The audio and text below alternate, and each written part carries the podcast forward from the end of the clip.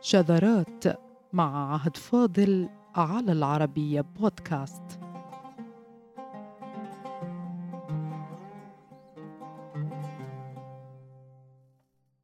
التشفير هو الكلمة المستعملة حاليا لما كان يعرف عند المصنفين العرب والمسلمين بعلم التعمية.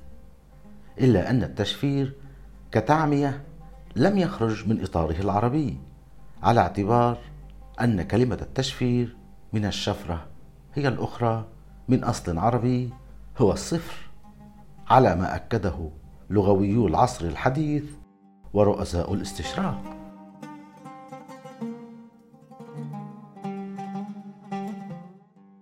وعلى الرغم من المسافة الزمنية الكبيرة الفاصلة ما بين علم التشفير الحالي وتعمية العرب والمسلمين إلا أن علم التعمية العربي كان الأب الشرعي لعلم التشفير على ما قاله أحد أهم العلماء الذين نقبوا في تاريخ التشفير في الحضارات وهو المؤرخ الأمريكي ديفيد كوهن إذ يقول ولد علم التعمية بين العرب فقد كانوا أول من اكتشف طرق استخراج المعمى وكتبها ودونها منتهيا إلى القول إن الأمة التي انبثقت من الجزيرة العربية أخرجت واحدة من أرقى الحضارات التي عرفها التاريخ.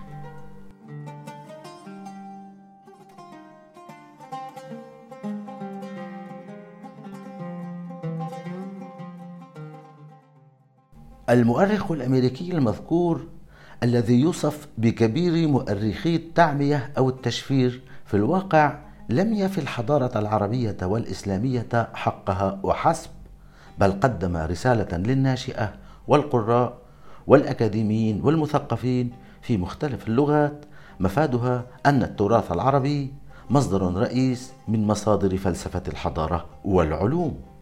ذلك أن المؤرخ الجليل اقتبس بكل بساطة وبمنتهى الاحترام الأكاديمي الرصين من مؤلفات مصنفين عرب ومسلمين كالقلقشندي في كتابه صبح الأعشى وابن الدريهم في رسالته التي لا تقدر بثمن مفتاح الكنوز في إيضاح المرموز.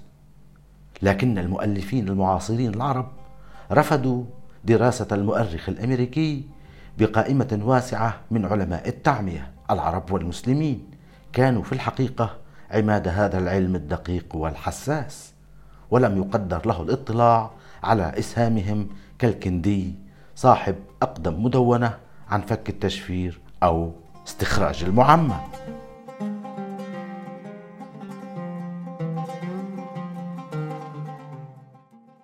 والتعمية لغة من عمية من ذهاب البصر وعماه تعمية صيره أعمى وعما معنى البيت الشعري أخفى مقاصده وألغزه ومنه جاء المعمى من الأشعار. والتعمية بهذا السياق هي الإخفاء ومنع غير العارف أو غير المصرح له من فهم ما يسمعه أو يقرأه. ثم درج تعبير التعمية في آداب العرب حتى غدا مهنة كل أديب حاذق يستطيع بالتورية أن يعمي على غيره مقاصده. وهنا التعمية بالمعنى الأدبي الذي منه التورية والألغاز. أما التعمية بالمعنى العلمي التشفيري فلها دروب أخرى كما سيتضح لاحقا.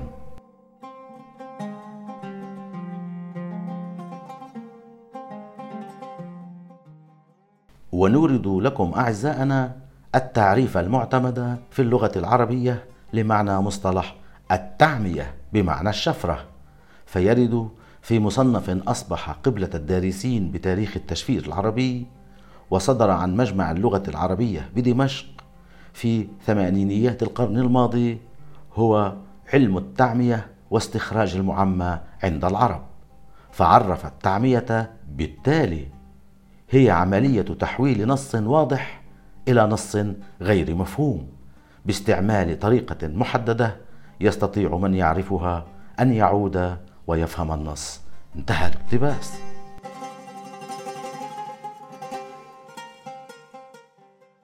ويشير مؤلفو المصنف الكبير بمجلدين وحقق لأهم رسائل في علم التعمية أو التشفير عند العرب إلى الاستبدال الذي طرأ على المصطلح من التعمية عربيا وإسلاميا إلى التشفير غربيا مشيرا في الوقت نفسه إلى أن الاستشراق الغربي أنصف الصفر العربي الذي منه جاءت كلمة الشفرة أو الشفرة وبالتالي فإن إبدال المعمى بالمشفر لم يغير النجار العربي للمصطلح فهو عربي عربي في أصله وفصله.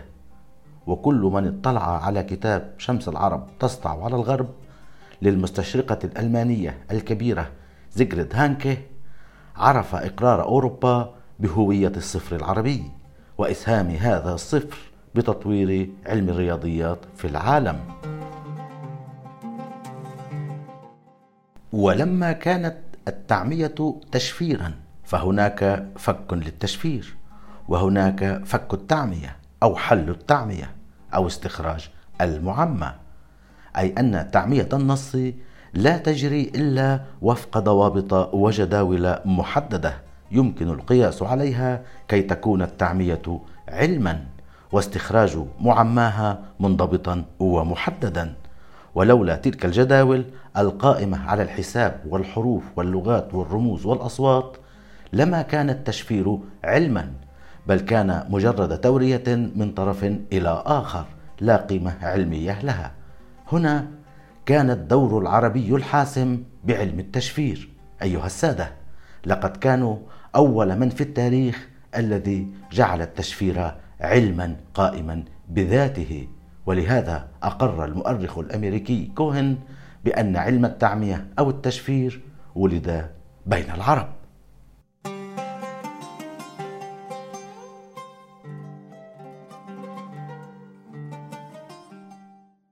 طبعا أعزائنا سبق العرب بالترميز أو الإخفاء.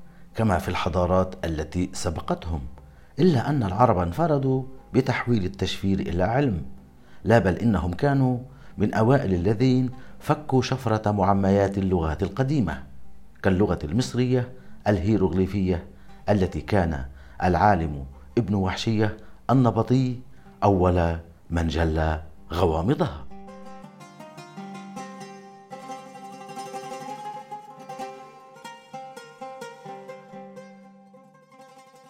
وابن وحشية النبطي مؤلف متعدد المواهب عارف باللغات القديمة وكتب بكثير من الأمور الهامة في عصره إلا أن نسبته إلى تأليف كتب السحر قللت شيئا ما من مكانته فيما كانت كتابته عن السحر تحويرا لمعنى التشفير أو إفادة من جداوله.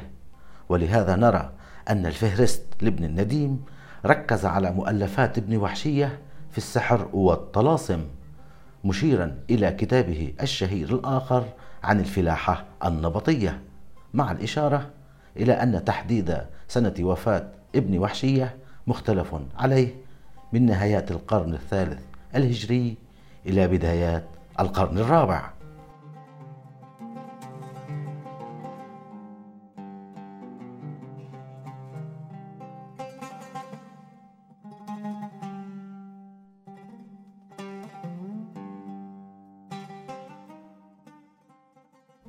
ومن العجب العجب بحسب كتاب العرب والهيروغليفية للدكتور علي فهمي خشيم أن دراسة فرنسية صدرت في نهاية الألفية الثانية اعتبرت أن ترجمة كتاب شوق المستهام إلى الإنجليزية لابن وحشية هو الإسهام الإنجليزي بفك رموز الهيروغليفية دون إشارة إلى مؤلف الكتاب العربي أي أن الدراسة الفرنسية جاملت الإنجليز بتعبير الخشيم المقتبس نقلا بمنحهم دورا بحل رموز اللغة الهيروغليفية دون أن يقوم معدو الدراسة بالإشارة إلى أن مؤلف الكتاب وما ورد فيه هو الإسهام الحقيقي بحل تلك الرموز ببساطة.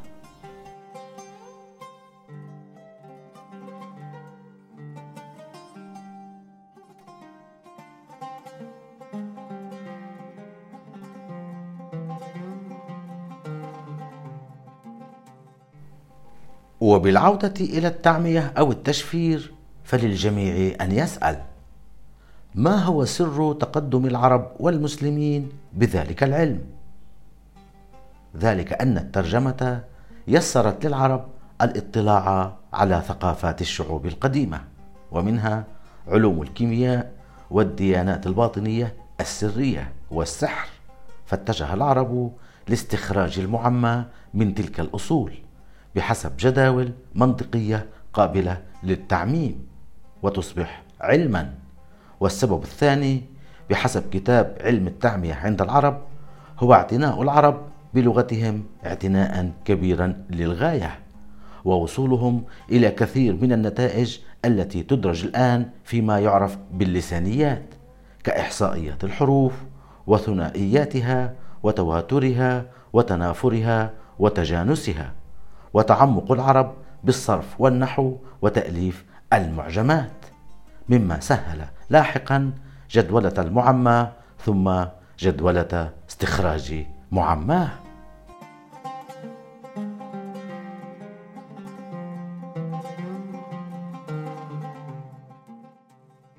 وكذلك كان تقدم العرب والمسلمين بعلم الرياضيات والفيزياء فطوروا علم الجبر والمقابلة. فأمنت لهم أدوات التعمية رياضيا هذه المرة بالإضافة إلى دور العربية بذلك.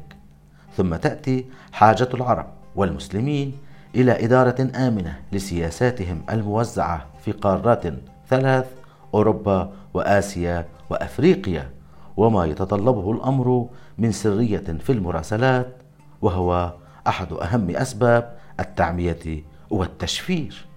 ويضيف المرجع السابق سببا آخر في انفراد العرب بعلم التشفير أو التعمية وهو انتشار التعليم والقراءة والكتابة في أصقاع العالم العربي والإسلامي كافة.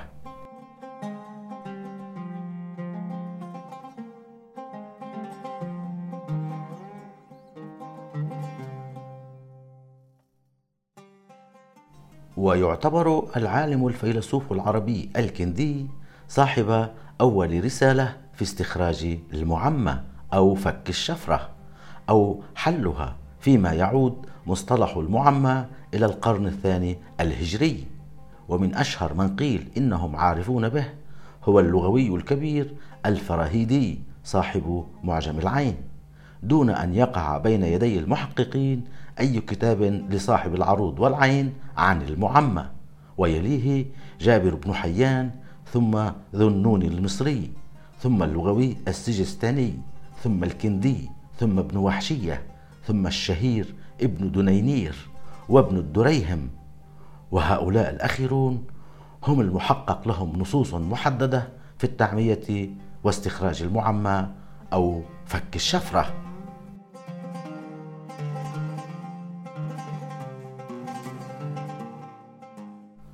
إذا أيها السادة الكندي وابن وحشية وابن دنينير وابن الدريهم هم أساتذة علم التشفير وفك التشفير من خلال كتب محددة فيما كان إخفاء النصوص منعا لقراءتها والاطلاع على محتواها لغير المصرح لهم وغير العارفين من خلال ما يعرف بالحبر السري. الذي شرحه وفصله القلقشندي في صبحه. لكن ما هي طرق التشفير التي حولها العرب إلى علم؟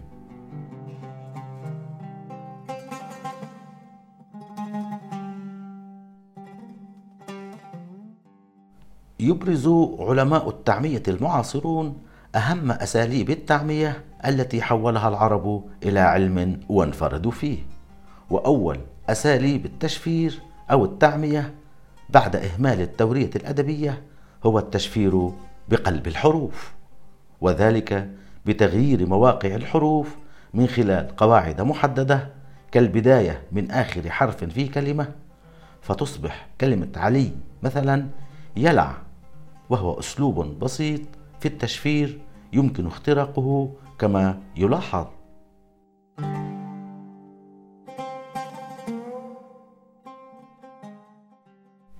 التشفير الأقوى من قلب الحروف هو التعمية أو التشفير بالإعاضة أو التبديل وهو إبدال كل حرف في الرسالة برمز وفق جدول قائم محدد على قاعدة محددة كأن يستبدل الحرف الأصلي بالحرف الذي يليه بالترتيب الهجائي فمثلا تصبح الباء مكان الألف مطلقا. أو تصبح الدال مكان حرف الجيم على أساس من جدول محدد ومعروف. فتصبح عبارة محمد والد علي مثلا بعد التعمية أي بعد التشفير نطنة زيمة فمك والأمثلة من كتاب علم التعمية عند العرب. والتعمية الأخيرة أشد تشفيرا وتعقيدا من السابقة.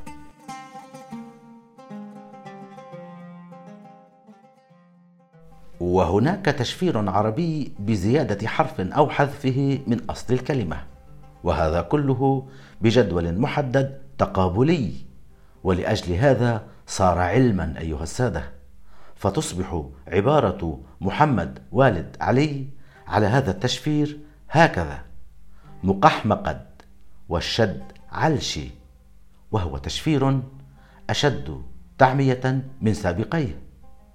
وهناك التعمية المركبة وهي إحدى أعقد طرق التشفير العربي حيث تقوم على دمج كل الأساليب السابقة بالتعمية مما يزيد من صعوبة كسر الشفرة فتصبح معها عبارة محمد والد علي هنطن همبز كمف.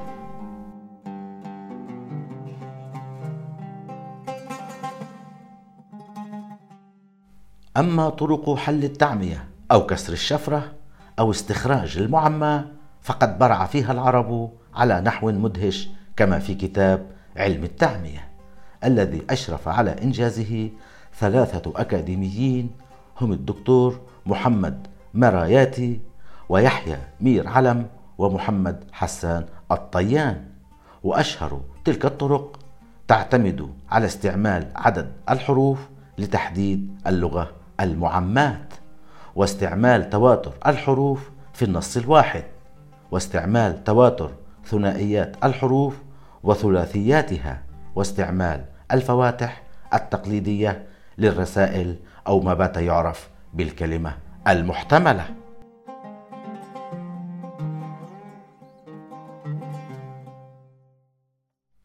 هكذا مر علم التعمية بأربع مراحل أساسية. بحسب مؤرخين غربيين وعرب.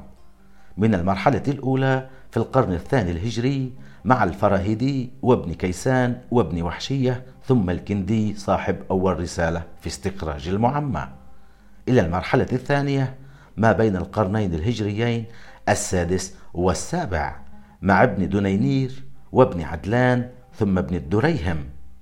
إلى المرحلة الثالثة بظهور علم التشفير في أوروبا بين القرنين الميلاديين الخامس عشر والسادس عشر.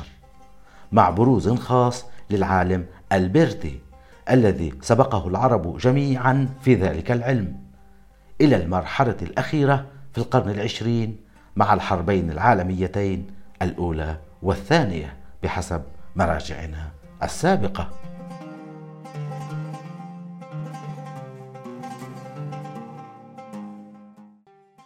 ومن الجدير بالذكر أن للغة العربية إلى جانب تقدم العرب بالرياضيات الدور الأكبر في تأسيس العرب علم التعمية أو التشفير فاعتناؤهم بلغتهم وتحويلها إلى علم لساني بجداول إحصائية حروفية لأطوال الكلمات وأصولها والزيادات عليها ثم اطلاعهم على لغات العالم قادهم إلى ضرورة تأسيس جداول لفك رموز تلك اللغات. التي تعمد بعضها الإلغاز والتعمية خاصة في علوم الكيمياء والسحر والفيزياء. وكان هذا الدافع الرئيس لولادة علم التعمية واستخراج المعمى الذي تحول لاحقا إلى علم مستقل عربي إسلامي خالص. إن بالتعمية أو الشفرة وإن بكسر الشفرة أو استخراج المعمى والسلام عليكم.